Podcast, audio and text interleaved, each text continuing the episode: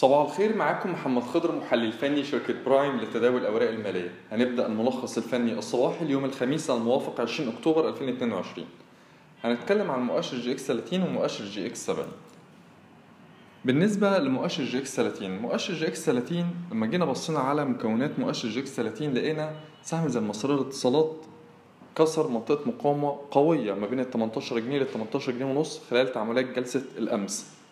فده بيدعم استمرارية اتجاه الصاعد على المدى القصير متوسط الأجل من المحتمل استهداف منطقة المقاومة التالية ما بين ال 21 لل 22 على النقيض حتى الآن البنك التجاري الدولي لا يزال يتداول أدنى منطقة المقاومة ما بين ال 27 جنيه لل 27 ونص.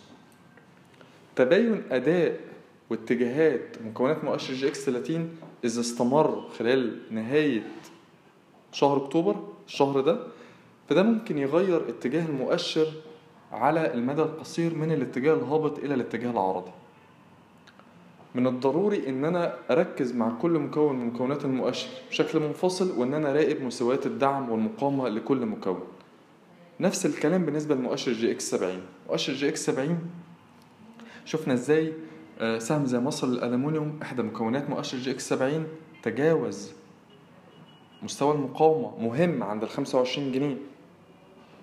وده بيدعم استمرارية ارتفاع سهم زي مصر الالومنيوم بالرغم من ارتفاع مخاطر الشراء لكن هو ممكن يستمر ويواصل في ارتفاعه لمستوى المقاومة التالي ليه عند 27 جنيه. على النقيض في نفس جلسة امبارح سهم زي بلتون المالية القابضة إحدى مكونات مؤشر EGX 70 كسر مستوى دعم مهم عند 3 جنيه 40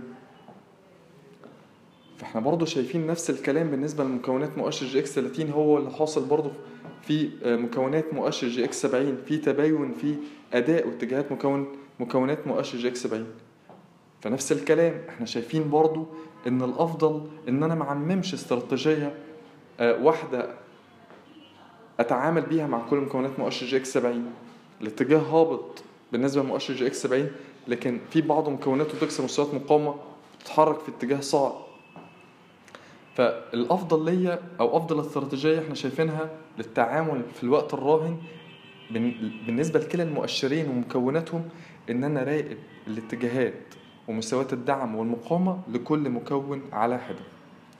شكرا.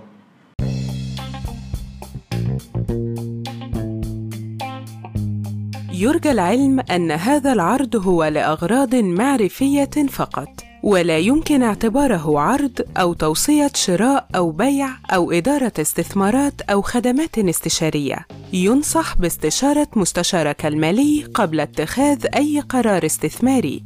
الأداء التاريخي ليس مؤشرا يعتمد عليه لتحديد الأداء في المستقبل.